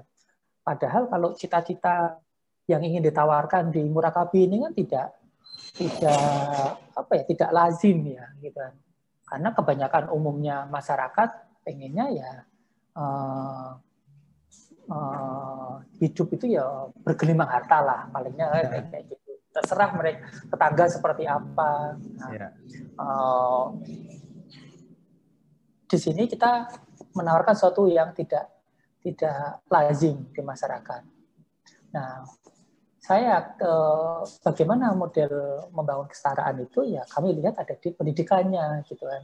Selama ini eh, alternatif-alternatif hidup yang eh, mandiri, yang bergotong royong ini tidak tidak tidak laku gitu kan karena ada banyak eh, nilai-nilai yang baik itu terreduksi oleh praktek-praktek pendidikan kita. Oh. Tuh. Jadi kayak mungkin uh, mungkin sekaligus untuk menjawab uh, yang menyangkut pertanyaan yang awal ya. Uh,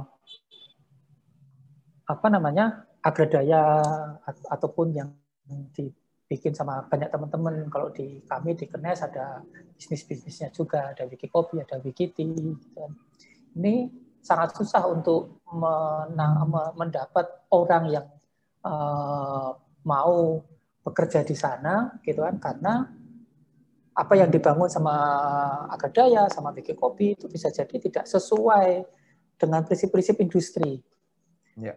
Padahal sekolah pendidikan itu dibikin uh, untuk memenuhi kebutuhan industri gitu kan, memenuhi kebutuhan selera pasar gitu kan. Ya. Oke. Uh, sekolah ini gunanya untuk uh, membangun masyarakat yang patuh gitu kan. Yang kompetitif. ya kompetitif suka bersaing gitu kan. Uh, berdaya saing tinggi gitu. di Murakabi cara berpikir uh, cara berpikirnya tidak sama sekali seperti itu. Tidak berdaya saing tapi berdaya bersama gitu kan. Oh berdaya bersama. Bagus. Nah, membangun kesadaran untuk membangun daya daya bersama ini memang gak populer gitu kan. Ketika emang ini kalau sekarang ditanyain ke warga masyarakat minggir atau ke tempat yang lain lah, siapa yang mau ikut gotong royong berdaya bersama secara permanen gitu kan. Saya yakin cuma sedikit orang gitu kan. Hmm. Karena arus utamanya hasil dari pendidikan memang tidak diarahkan untuk uh, mampu berpikir seperti itu gitu kan. Oke, di sini proses kesetaraannya ada di pendidikan gitu kan. Yang mau belajar yang membuka diri gitu kan. dan pada akhirnya kita berusaha untuk ya ini bukan jangan pernah menjadi pemaksaan gitu kan. Kalau nggak mau ya nggak apa-apa. Kalau tetap ya. uh, mau model cara hidup yang uh, yang apa ya, ya sebelumnya ya nggak apa-apa gitu kan. Itu ini memang uh, emang cara berpikir yang tidak lazim memang gitu kan Nah, bagaimana orang yang mau berpikir tidak lazim ini yang lebih kami yang lebih kami sasar adalah bagaimana menampung orang-orang yang mau hidup bergotong royong uh, mandiri ini itu saling terhubung. Gitu. Siapa tahu mereka tidak melakukan hal itu cuma karena tidak ada temannya. Gitu. Nah, sejaknya kami ingin mencari teman-teman ini, gitu, mengumpulkan teman-teman ini. Gitu. Menemani ya biar bisa bareng. Kalau tadi saya lihat di daftar pertanyaan rata-rata uh, bilangnya ada kita lokasinya jauh gitu kan dari Guci Alit saya nggak tahu Guci Alit itu di mana. Uh, ya saya bisa bisa melihatnya banyak orang yang uh, tertarik untuk uh, merintis menginisiasi agenda kerja yang mandiri dan gotong royong ini tapi emang uh, populasinya nggak banyak untuk bisa kita berkumpul gitu kan, atau ada tempat-tempat untuk melakukan hal itu. Betul, ruangnya yang ya. kali nggak ada, ruang dan temannya yang nggak ada. Ya, ini memang hal-hal pertama yang ini inisiasi awal lah. Kita pengennya ini bisa di direplikasi dengan diperbaiki di tempat-tempat lain. Tempat-tempat berikutnya, oke. Mungkin kalau Mas Andika misalnya mau menambahkan dengan misalnya pengalaman dari Agradaya sendiri kan sebenarnya banyak berinteraksi dengan Eh, warga sekitar tadi kan minggiran sudah ada interaksi dengan para produsen artisan tadi apakah ada pengalaman ya. terkait tadi itu supaya ya bisa melebur dengan baik ya kalau untuk sekarang eh, kita memang sedang dan terus mengupayakan untuk keterlibatan uh, warung Murakabi yang di Minggir itu dengan kalau sekarang itu baru dengan tiga ibu-ibu di desa sini. Oh, okay. Jadi tiga ibu di desa ini adalah ibaratnya tuh kayak lokal champion atau ibu-ibu yang oh. punya apa ya uh, pengaruh atau iya. inisiatif yeah. lebih besar. Uh, ibaratnya kalau tiga ibu-ibu ini udah kepegang, nah nanti itu yang lain bisa ngikut. Ikut. Oh iya iya. Nah jadi ini tapi masih dalam tahap awal. Nah kenapa akhirnya kita melibatkan teman-teman di residensi yang mana sebetulnya Eh, ketika yang bisa ikut residensi nanti di sini akan bisa belajar tentang bagaimana sih menginisiasi kooperasi atau model pengorganisiran masyarakat yang nanti juga diharapkan ini kan batasannya kurang lebih hanya empat bulan. Yang nantinya uh, apa sih kalau presiden ya apa sih yang, yang ikut di residensi? Nah itu nantinya uh, pertama kalau saya mendapatkan informasi ini bisa sangat paling enggak dalam hal belajar itu nanti akan belajar tentang kooperasi, tentang pola-pola kelestarian dari Pak Singgi, dari Pak uh, Eko Prawoto, Mas Lulut Filabibi, bahkan kalau beruntung bisa uh, ngelihat Pak Jokpin deklamasi puisi langsung, Wah. kemudian bagaimana ngelihat uh, Agredaya dan Wiki Kopi di situ uh, terlibat. Nah, yang menarik menurut saya di situ. Jadi akan melihat bagaimana dari awal. Kalau tadi ada pertanyaan, apakah boleh untuk menginisiasi di tempatnya sendiri? Nah, itu boleh banget. Justru itu yang jadi dorongan uh, kami ketika teman-teman yang selesai di residensi ini itu bisa untuk membawa semangat kegotong royongan dan kelestarian ini di daerah lain di situ. Ah, nah itu sih okay. sebetulnya. Nyambung sama Tapi, itu, berarti apakah artinya setelah empat bulan itu akan menyebar atau bisa ada yang tetap menetap atau bagaimana? Bisa dua-duanya, nanti oh, tergantung jodoh kali ya. Oh. Tapi kalau untuk pengalaman kalau di Agredaya sendiri ada kalau kalau Agredaya kan secara perusahaan apa ya uh, kecil kita memang ada beberapa karyawan yang terlibat langsung di sini sebagai pekerja. Untuk yang inisiatif bersama masyarakat kita uh, tahun lalu 2019 berarti dua tahun lalu ya itu hmm. bikin satu event namanya Minggir Festival. Jadi hmm. itu acaranya itu tentang sebenarnya itu acara Agredaya bareng dengan teman-teman Book for Mountain kita bikin sebenarnya isunya adalah mengangkat pendidikan kontekstual berbasis pertanian melalui kegiatan pasar rakyat, diskusi, uh, workshop dan juga ada acara seni di situ ada ada yang hmm. nyanyi musik di situ. Nah, ketika itu kami melibatkan banyak sekali masyarakat di sini, mulai dari ibu-ibu PKK dan teman-teman Karang Taruna. Kemudian untuk teman-teman Karang Taruna juga kita banyak melibatkan yang sifatnya itu ekoturism. Jadi uh, kita pernah mendapat tamu beberapa yang kemudian teman-teman Karang Taruna jadi kayak LO-nya dan jadi ah. tour provider-nya gitu. Kita juga pernah bikin acara namanya Back to Farm. Yeah. Ya. Uh, ngontel yang deso lah sebetulnya. Nah, itu yang organisir juga teman-teman Karang Taruna di situ. Jadi sebetulnya apa ya portofolio Agredaya melibatkan masyarakat di sini sudah ada sudah beberapa kali. Namun yang bentuknya koperasi yang sedikit bukan sedikit ya, ini lumayan serius gitu ya secara pembahasan. Nah, ini baru kali ini. Gitu. Ah, oke. Okay. Jadi kami juga belajar sih sebetulnya di Agredaya yang tentang kooperasi ini juga lagi belajar. Kooperasinya. Yang senang banget kalau misalnya bisa ada satu apa ya, nanti teman-teman presidensi yang bisa ikut uh, maju dan belajar bareng-bareng untuk bertumbuh sama-sama gitu. Nah, kalau di situ berarti berikutnya adalah kenapa mengambil bentuk kooperasi? Uh, Kenapa nggak mengambil bentuk yang lain? Mungkin boleh dibantu menjawab Mas Andika, Mbak Asri atau Mas Uhid. Mas Uhid, Mas kenapa, Uhid. kenapa kooperasi? Ya, ya, kenapa bentuk anehnya gitu? kali ya? kan kooperasi aneh. Ya tadi kan bahkan takutnya malah ditolak sama warga sekitar. Tapi kenapa kita tetap berusaha? Ya. Jadi eh, kenapa kooperasi lebih ke biar yang ini bisa dimiliki oleh banyak orang hmm. biar uh, aktivitas ini bisa uh, banyak orang yang mau terlibat, yang bisa terlibat gitu kan. Kalau dibentuk perusahaan pada umumnya kan ya udah itu kan cuma para uh, apa ya investornya lah gitu yeah. kan. Kita ingin kita ingin uh, apa yang kita lakukan di sini itu bisa dimiliki oleh masyarakat gitu kan, bisa di, dikembangkan lanjut oleh masyarakat, bisa diperbaiki secara berkelanjutan oleh masyarakat di tempat lain, enggak di, hmm. uh, di banyak tempat gitu kan. Kita uh, pengen bisa ini menjadi bentuk yang bisa gotong royong gitu kan. Ya, gotong royong tadi. Semua ya. orang bisa ikut. Ya kalau kita ngomongin perusahaan yang bisa bentuknya gotong royong, ya kita nggak bisa melihat alternatif yang lain sih kayaknya harus kooperasi. Kooperasi. Gitu. Tapi artinya apakah tadi karena dimiliki banyak orang berarti kan bisa dimiliki dari warga sekitar, terus anggota residensinya, terus ya ya siapa pun yang mau mengikut bukan mengikuti ya, yang mau ya terlibat aja ya mas. Maksudnya berbagai macam kalangan masyarakat bisa join gitu.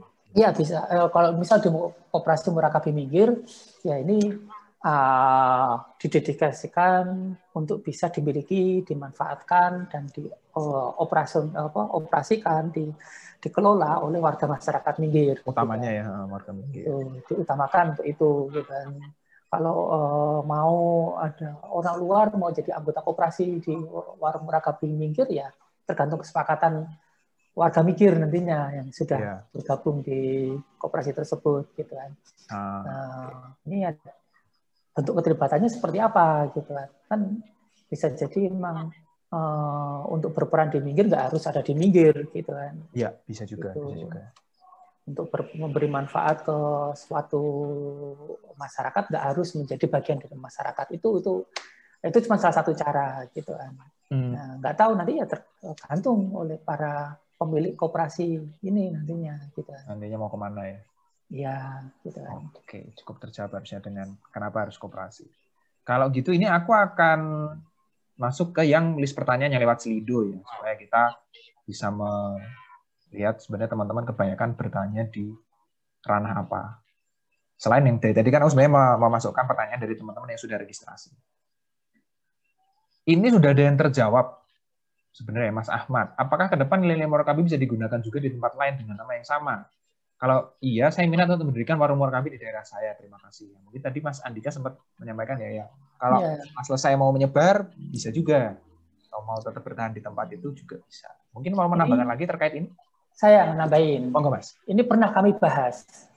Gitu kan. Ada pembahasan khusus tentang tentang bagaimana ketika uh, dari peserta residensi ini setelahnya ngapain gitu kan. Yeah. Itu kan empat bulan ada di situ. Satu bulan terakhir itu dia terlibat uh, fasilitasi belajar residen berikutnya. Jadi kan kita, kami merancang di sini residensinya kan tiga kali.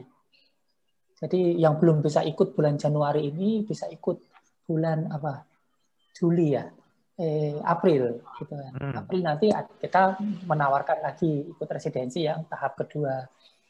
Nah, presiden tahap kedua ini idealnya difasilitasi belajar oleh uh, presiden yang tahap pertama. Satu bulan mereka beririsan itu lebih ke uh, mekanisme belajar bersama uh, para uh, uh, oleh uh, mereka itu seperti bagaimana. Nah, di situ kemudian kita membayangkan justru replikasi murakabi yang akan dilakukan berikutnya ini fokusnya ada di presiden.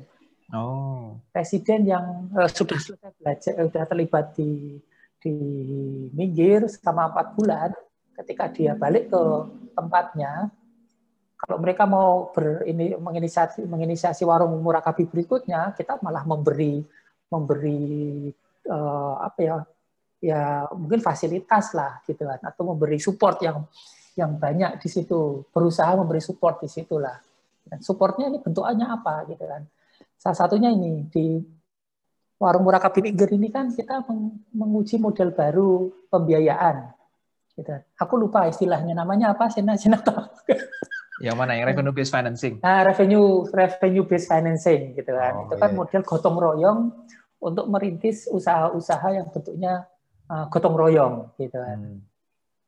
Nah, untuk uh, residen yang sudah selesai mau balik lagi ke tempatnya, mau mengembangkan uh, murakabi di sana, mungkin salah satu fasilitasi yang ingin kita berikan ya ada bentuk-bentuk uh, pembiayaan gotong royong tadi gitu kan. Biar bisa lebih mudah untuk dimulai di sana gitu. Hmm. Terus justru malah bukan bukan diizinkan atau enggak, malah kita ingin mendorong mereka bikin koperasi di sana. itu. Mungkin itu. Siap. Mungkin Mas Ahmad sebagai penanya mau menambahkan atau menanggapi dari jawaban tadi. Halo Mas Ahmad. Masih masih di sini harusnya. Eh sorry, aku uh, belum nyalain bentar. Silah ini kalau mau menyalakan mic bisa, boleh Mas Ahmad. Sorry tadi belum bisa. Tadi masih aku close. Monggo Mas Ahmad kalau mau menanggapi langsung atau pakai chat boleh juga. Oh.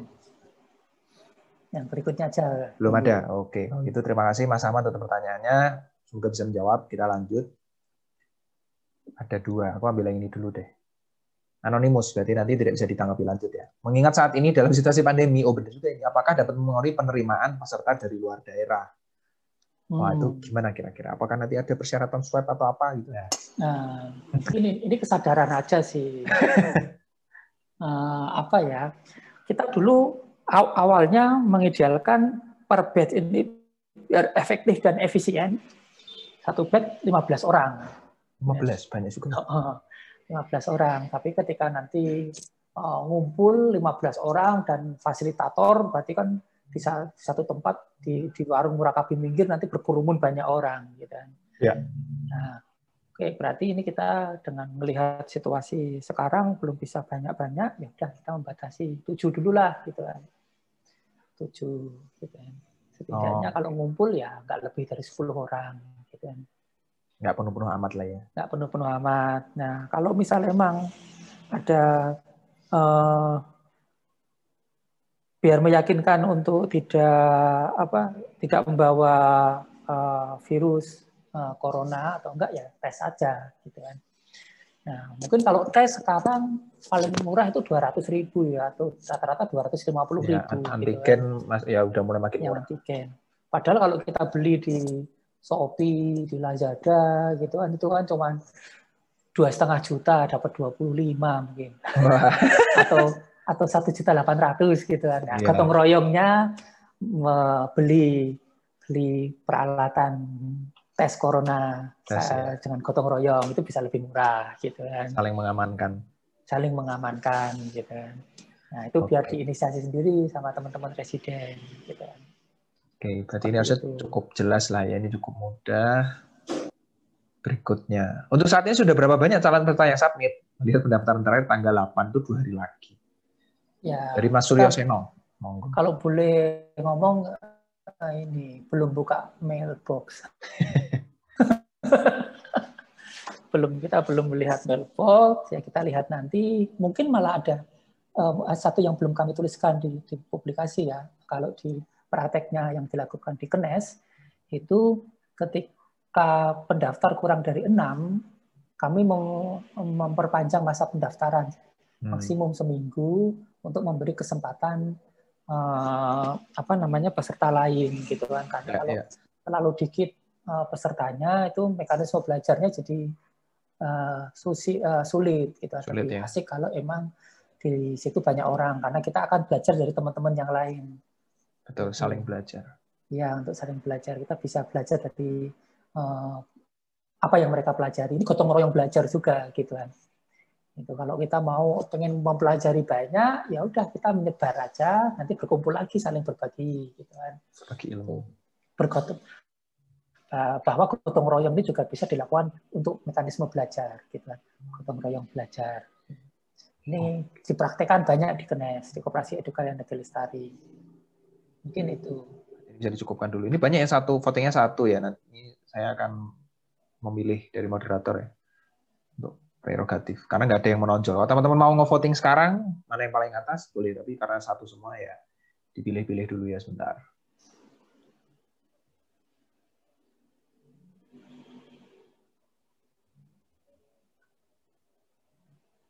Nah, ini mungkin tadi sudah terjawab ini kelihatannya. Kalau nanti saya diizinkan mengikuti residensi bisa berlanjut terlibat setelah empat bulan selesai, boleh. Mau bikin oh, sendiri boleh. tadi juga boleh. Ini cukup terjawab ya. Kita lewat.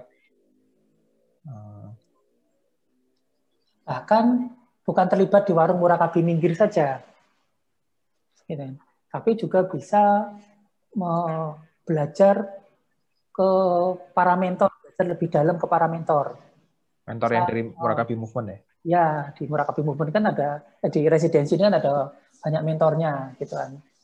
Misal Pak Singgi, ke Pak Singgi nanti bisa belajar tentang desain produk gitu kan. Hmm. Ke Pak Eko nanti di sana tentang bagaimana arsitektur yang ekologis itu seperti gimana gitu kan. Uh, atau lebih ke kalau di luar itu kan Pak Eko tidak hanya dikenal sebagai arsitek tapi kan juga sebagai perupa gitu kan. Iya. Yeah. Itu, itu mungkin juga ke Indigerilas gitu kan. Mungkin ada yang unik di Indigerilas ini merasa apa ya model uh, ini juga residensi ini sebagai sebuah solusi karena selama ini mereka men, apa ya tidak menerima cara gampangnya tidak menerima magang hmm. karena ketika ada orang magang gitu kan, ternyata effort energi yang perlu perlu disiapkan oleh oleh tim internal itu sangat banyak untuk yeah. memfasilitasi belajar ini karena harusnya magang ini kan harusnya kayak orang nyantri gitu kan. Yeah. Dia yang harusnya lebih aktif proses belajarnya yang yang si pembelajar yang harus lebih aktif. Gitu kan. Ternyata enggak, ternyata mereka enggak pintar untuk memberi solusi, jadinya malah menyerap energi yang terlalu banyak. Nah, kita pengennya residensi ini sebagai salah satu upaya untuk mengajak belajar sikap belajar yang betul itu seperti apa sih? Sikap belajar yang baik itu seperti apa sih? Sikap belajar yang memberi solusi ke ke tempat belajar kita juga seperti bagaimana gitu kan.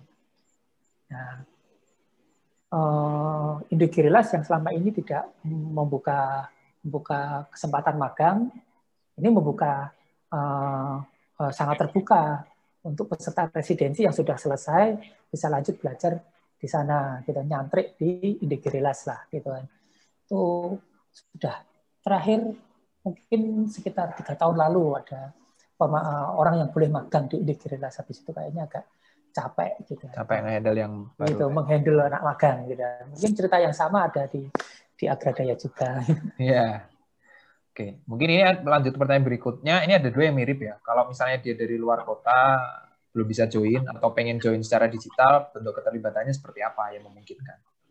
Tapi mungkin belum residensi ya. Kalau kayak gini, apakah hmm. ada langkah yang langsung bisa dilakukan kah, Pak? Ya mungkin gampang aja mau belajar apa, gitu.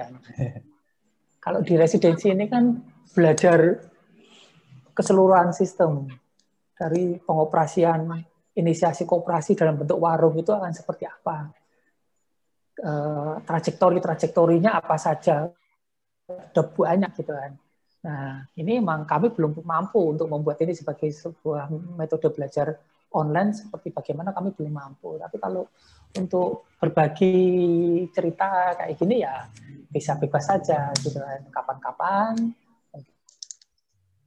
mungkin ada bikin forum Zoom kayak gini gitu kan dengan peserta warga Guci Alit eh, bareng-bareng belajar uh, bagaimana sih merintis merintis uh, koperasi yang dimiliki sama warga gitu kan. Uh, saya yakin itu hal-hal yang mudah untuk dilakukan gitu kan. Jadi boleh dibilang kalau untuk saat ini untuk yang memang pengen terlibat secara online berarti sekarang ya paling baru bisa ya follow support di ya, memberi support ya kita oh ya kalau sudah sudah sering berkontak-kontak gitu kan gampang lah kalau mau belajar apa pun. Betul. Oh, kita pengennya emang apa yang ada di situ itu gampang untuk dipelajari oleh siapa pun. Betul. Ini aku mau membantu menjawab cepat dulu aja ya. Untuk kegiatan peserta selama 4 bulan itu selesai atau sebenarnya ada kegiatan lain dalam jangka panjang? Tadi ya udah cukup dijelaskan, ada tujuan merancang pembelajaran estafet. Estafet itu tadi yang sempat dijelaskan oleh Mas Uhid ya, bahwa angkatan pertama akan ikut terlibat dalam angkatan kedua, dan seterusnya, ya. dan seterusnya. Gitu. Jadi kalau di Kenes, uh, model belajar residensi itu yang paling banyak itu belajar dengan cara mengajar. Hmm. Kalau dia belum bisa membuat yang lain paham atau bisa melakukan hal yang ya, ingin disampaikan, ingin diajarkan, bisa jadi emang dia belum paham. Gitu. Yeah. Mekanisme mekanisme ini sudah bisa atau belum, ya sudah bisa ngajarin yang lain atau belum, gitu kan. Seperti itu. Itu banyak juga diperhatikan oleh pesantren-pesantren tradisional, gitu kan, yang nggak ngasih ijazah gitu kan. Kalau mungkin ya. sekarang banyaknya kan pesantren modern ya gitu. Model model belajarnya sama kayak di sekolahan. Kalau di pesantren tradisional uh, ada beberapa yang uh, justru mereka uh, cara untuk uh, mengkualifikasi sudah mampu atau belum ya sudah mampu ngajarin atau belum gitu. Ngajar ya parameternya, benar. Dan itu kan juga sebagai upaya untuk merangkum semua hasil belajarnya, gitu kan, mempresentasikan ke peserta belajar baru, gitu kan, untuk persiapan nantinya kalau dia keluar di, di kembali ke ekosistem dia akan seperti bagaimana. Hmm, siap siap. Oke, jadi seperti itu ya mekanismenya. Terus ini pertanyaan terakhir untuk yang lewat Slido, karena kita sudah mau tutup dan masih ada beberapa pertanyaan dari form yang cocok sebagai pertanyaan penutupan. Mungkin ini aku akan ke Mas Dika sama Mbak Asri ya. Sebenarnya seperti apa sih bentuk produk-produk yang dihasilkan oleh Murakabi Minggir? Gitu. Segmentasinya seperti apa? Yang direncanakan maupun yang sudah berjalan teh ya. Tadi kan udah ada PO gitu. Ya, ya. Monggo Mas Dika. Ya, ini mohon maaf Asri karena kita masih punya anak kecil oh tiga tahun jadi dia izin tidurin dulu ya. Siap. Nah kalau terkait produk itu dorongan paling utama adalah yang uh, ada di sini. Jadi uh, kita sudah mendata beberapa artisan dalam hal sandang dan pangan sih karena kalau papan kan uh, sandang pangan itu ada beberapa seperti tadi penghasil beras, kemudian gula, Kemudian di sini juga ada artisan uh, anyaman mendong, jadi anyaman tradisional khas mendong itu juga. Mendong itu seperti pandan, cuman ah. lebih kecil. Nah, kemudian itu yang existing. Nah, yang rencana ke depannya itu uh, di dekat sini itu ada yang uh, eh, ATBM, uh, artisan alat tenun bukan mesin, yang ah. menghasilkan ini. Uh, kalau teman-teman tahu kayak stagen, mirip seperti tenun.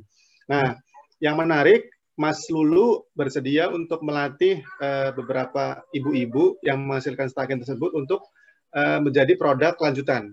Jadi oh. kalau teman-teman nanti bisa Mas Lulu itu yang kalau teman-teman suka ngeliatin artis-artis pakai kayak baju yang lurik yang di selempang-selempang begitu yang harganya lumayan banget sih kalau di galerinya beliau. Nah, itu uh, dengan kemampuan Mas Lulu, nah kemudian beliau uh, dengan kemampuannya mengajarkan beberapa skill terkait tenun dan fashion. Nah, itu menarik banget sih. Saya juga menantikan momen itu ngajarin dan nanti produknya kayak apa.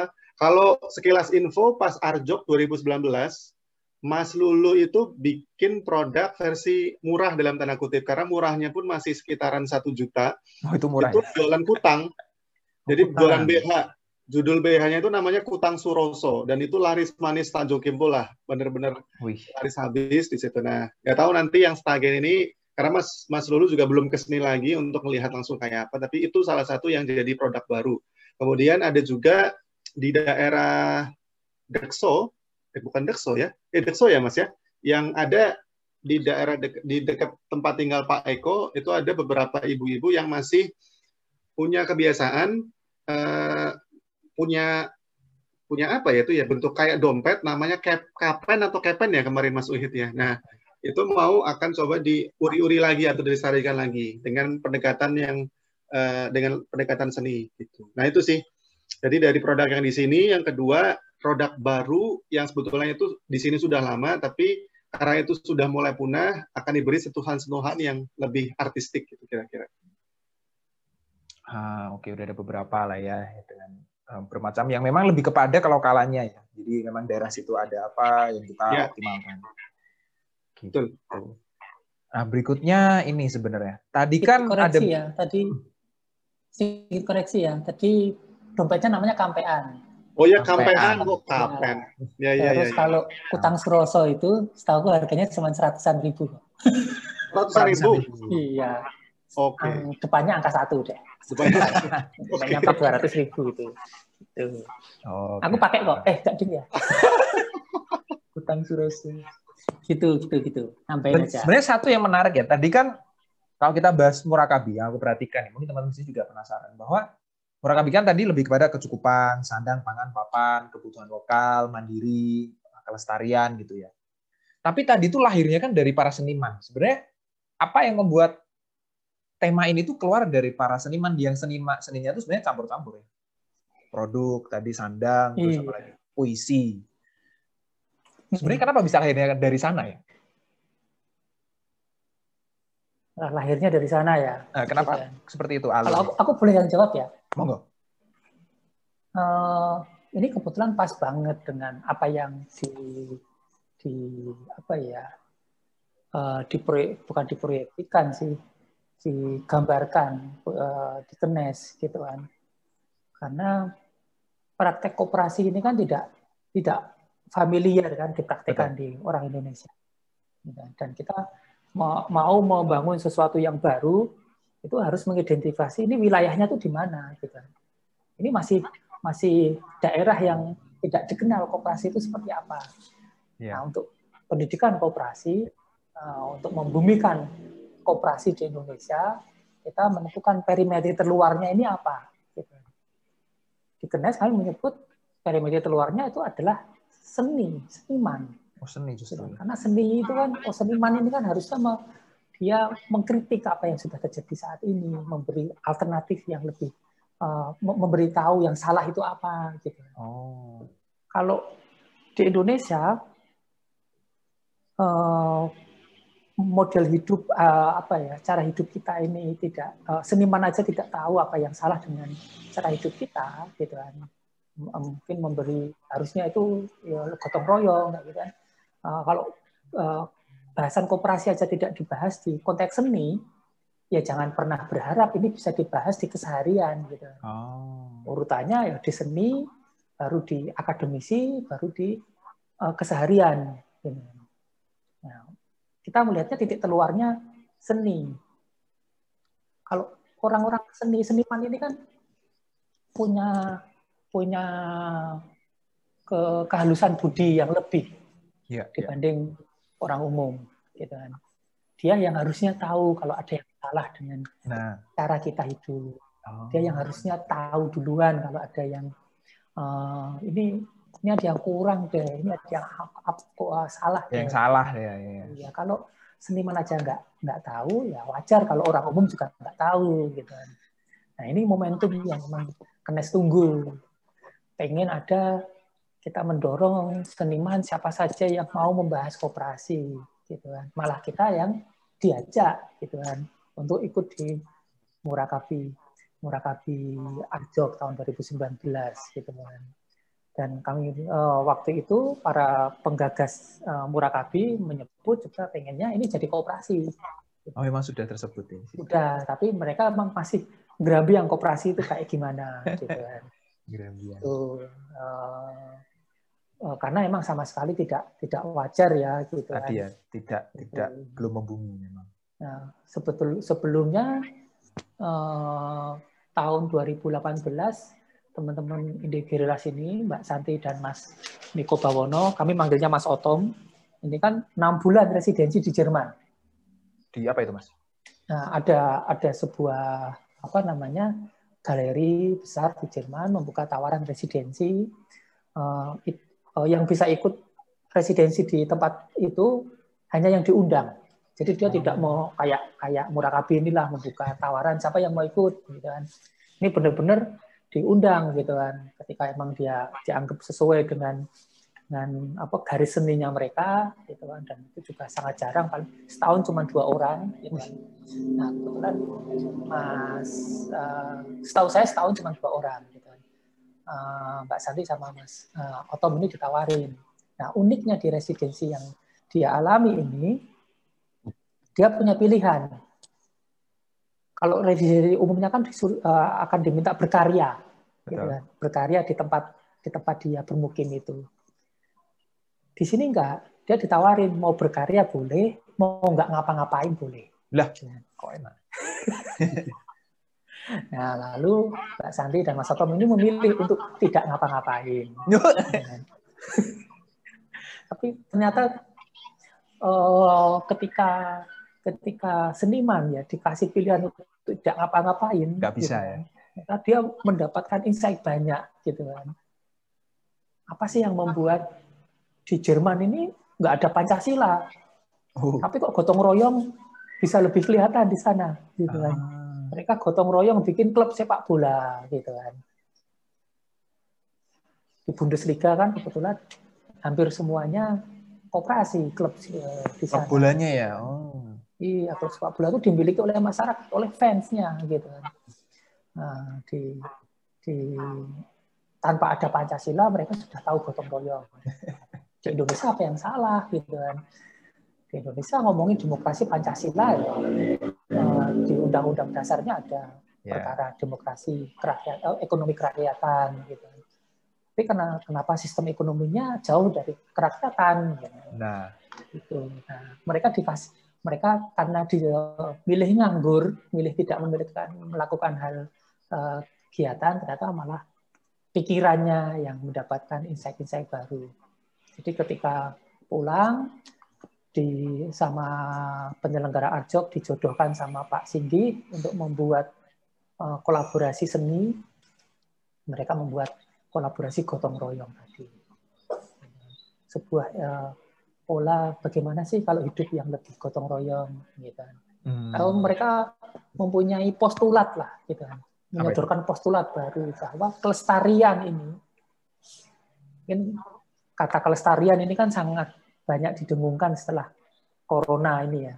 Iya. Kebetulan itu saudara mereka, dengan keberlanjutan nggak? Apa sustainability itu beda? Iya, kalau mungkin bahasa Inggrisnya itu sistem sustainability, lestari hidup yang lestari itu seperti apa gitu kan itu bisa hidup lestari ini bisa diwujudkan dengan tiga hal. Apa itu? Gotong royong, mandiri, lokal. Oh. Nah, karena itu yang jadi murakabi Ya, makanya itu kemudian yang di yang itu kan uh, uh, tesis yang ingin disampaikan gitu kan. Bentuk seni yang ingin diwujudkan. Hidup tuh harusnya kayak gini nih, tidak tidak menghamba pada industri, tidak menyerah pada industri gitu kan. Malah melayani industri kita kita, kita bisa membuat uh, alternatif hidup yang lebih bermartabat lah gitu seperti itu. Tadi pertanyaannya apa ya kenapa lahirnya dari seni tadi itu menjawab nah, lahirnya dari seni gitu. agak panjang tapi perlu hmm. perlu background itu step satu step lagi di belakang yang art jobnya justru kan nah iya gitu kan kami juga sangat kaget ketika dapat ada orang seniman yang menginisiasi ini gitu. Ya, saya juga sampai sekarang masih tawaran untuk heran. royong gitu kan. Hmm. Kami GR-nya kami adalah 20 eh, sekitar 20 uh, eh, artisan ini dikumpulkan gitu kan. Kelompok uh, produsen ini dikumpulkan ya untuk untuk menyelesaikan masalah secara bersama-sama gitu kan. Bukan cuman uh, sekedar untuk uh, apa ya macam produk di sana jualan selesai enggak gitu ya. kan gitu kira-kira kayak gitulah oke mungkin dari Mas Dika kalau mau nambahkan kayak kalau dari situ Panes Agradaya atau Mas Dika sendiri kenapa itu bisa muncul dari seniman arah pola pikir Murakabi ini. Iya saya sepakat yang tadi disampaikan Mas Tohid sih bahwa uh, kalau menurut saya ketika memandang seniman itu adalah golongan orang-orang yang menurut saya sudah selesai dengan hidupnya, oh. yang uh, mereka itu punya helikopter view terhadap uh, kondisi di masyarakat secara umum, baik masyarakat yang di kelas bawah ataupun berbicara dalam yang lebih makro, mungkin di skala bernegara. Nah, kayak Pak Singgi, uh, kemudian kan kalau teman-teman sering lihat mungkin di Instagramnya, dia sangat sering mengamati tentang hal-hal kecil yang masih ada dan masih lestari di desa-desa. Nah, sebetulnya yang beliau upayakan adalah hal-hal yang sebetulnya itu masih menjadi tradisi di daerah, yang sebetulnya itu masih lestari, ayo kita pertahankan dan terus lestarikan di situ. Dan salah satu bentuknya, akhirnya beliau membuat instalasi seni Murakabi itu, yang ternyata ditangkap oleh uh, banyak orang, termasuk kami juga di Agredaya, yang yang tadi Mas Tauhid sempat menyampaikan bahwa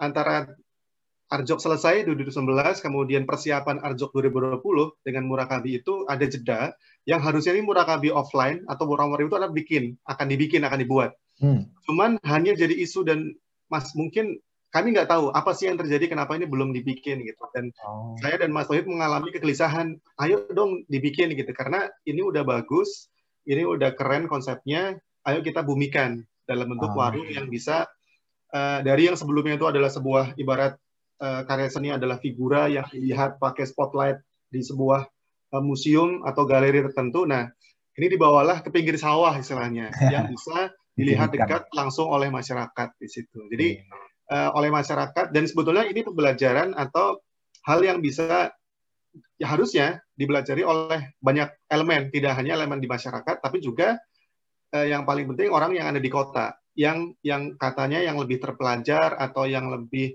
uh, modern gitu, yang sebetulnya itu juga menentukan konsumsi atau sedang pangan papan itu yang paling banyak kan dikonsumsi oleh masyarakat kota. Nah, itu punya kesempatan atau punya kekuatan sebetulnya untuk memilih pilihan sandang pangan papan yang lestari yang itu diselesaikan oleh masyarakat yang di desa.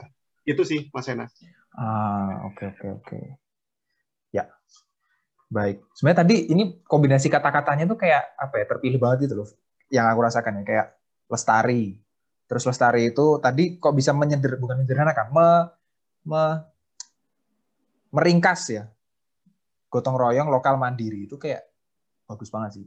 Jadi uh, pas denger itu tuh langsung bisa oh ini intinya itu lebih lebih bisa merangkai itu. Walaupun itu juga nggak gampang ya memahami. Bukan nggak gampang ya. Melihat kata-kata itu tuh dipilih itu kayak wah ini bagus banget gitu. kalau dari aku pribadi melihat makanya tadi uh, makasih banget buat Mas Tauhid dan Mas Andika untuk uh, semua sama Mbak Asri juga untuk penjelasan mengenai murakabi, murakabi minggir, asal mulanya murakabi, rencananya residensi murakabi seperti apa, di sini kita udah sampai di penghujung acara. Untuk menutup, nanti akan ada statement dari Mas Ohid dan Mas Andika atau Mbak Asri kalau misalnya bisa oh, iya. join ya sebelum kita tutup. Tapi sebelum masuk ke closing statement, saya mau mengingatkan teman-teman di sini, kalau yang pengen yang penasaran detailnya seperti apa, bisa buka bit.ly garis miring residensi Murakabi 1. Itu ada slide yang menjelaskan. Lalu yang sudah mantap mau daftar bisa mengirimkan biodata beserta surat pernyataan motivasi ya ke email residensi murakabi@gmail.com sebelum 8 Januari. Ini kalau menambahkan sedikit ada pertanyaan yang nyambung dari Raul Akamsi. Apakah diminta mengirimkan atau menampilkan karya? Perlu nggak mas? Atau terserah? Iya, kalau umumnya residensi kan kayak gitu kalau di residensi seni gitu kan. Kalau di kita yang kita lihat motivasinya tadi. Motivasi. Jadi surat pernyataan motif yang kami lihat adalah surat pernyataan motivasinya gitu. Uh, motivasinya itu emang sudah seberapa gede, seberapa seberapa relevan dengan yang uh, akan di, uh, akan yang dilakukan bersama di minggir gitu kan. Seperti itu. Jadi contoh uh, karya mungkin enggak ya, tapi lebih ke motivasinya tadi. Jadi kalau mau membuat uh, uh, apa namanya biar ini ini bocoran kalau mau uh, kesempatan bisa terpilih jadi peserta residensi besar, bikin surat pernyataan motivasi sebagus-bagus mungkin, seorisinal mungkin. Motivasinya justru ya. Iya. Ya, untuk proses bikin motivasi ini kan berarti kan harus merefleksikan diri dulu. Ya, gitu kan. merenung. Merenung dulu gitu kan. Sesuai enggak sih? Jangan-jangan enggak sesuai yang jangan dipaksain. Gitu. Ya. Masih ada waktu dua hari ya kira-kira. Kalau ya. nanti misalnya bisa diperpanjang, ya mungkin nambah seminggu. Tapi ya, ya target 8 Januari dulu ya teman-teman di sini ya. Ya, nanti kita lihat di 8 Januari sudah mencukupi atau perlu diperpanjang. Kalau perpanjang ya paling seminggu lah kita nggak usah lama-lama. Oke, nah satu lagi topik sebelum masuk ke closing. Jangan lupa di follow untuk yang Murakabi Minggir supaya dapat update-nya. Murakabi Minggir sama Murakabi Movement ya Murakabi Move On bisa dicek buat nggak ketinggalan informasi dan ya pesan-pesan dari panitia silakan yang mau dapat informasi acara-acara seperti ini secara lebih rutin bisa follow IG kita dari Gapatma di 334455 titik dan Eko. Mungkin yang penasaran 334455 itu apa? Yo nanti kapan-kapan kita jelaskan. Kita sebenarnya rencananya dalam waktu dekat akan semacam open house. Apa sih Gapatma itu dan kenapa kita hadir? Tapi itu di lain waktu. Sementara ini dulu aja silakan follow. Kita paling sering update di Instagram. Terus Murakabi juga seperti itu. Mungkin nanti akan diupdate. Nanti kalau masalah lolos nggak lolosnya atau siapa yang masuk tuh lewat mana mas? Hmm, nanti dikabarin uh, orang per orang, daftar-daftar.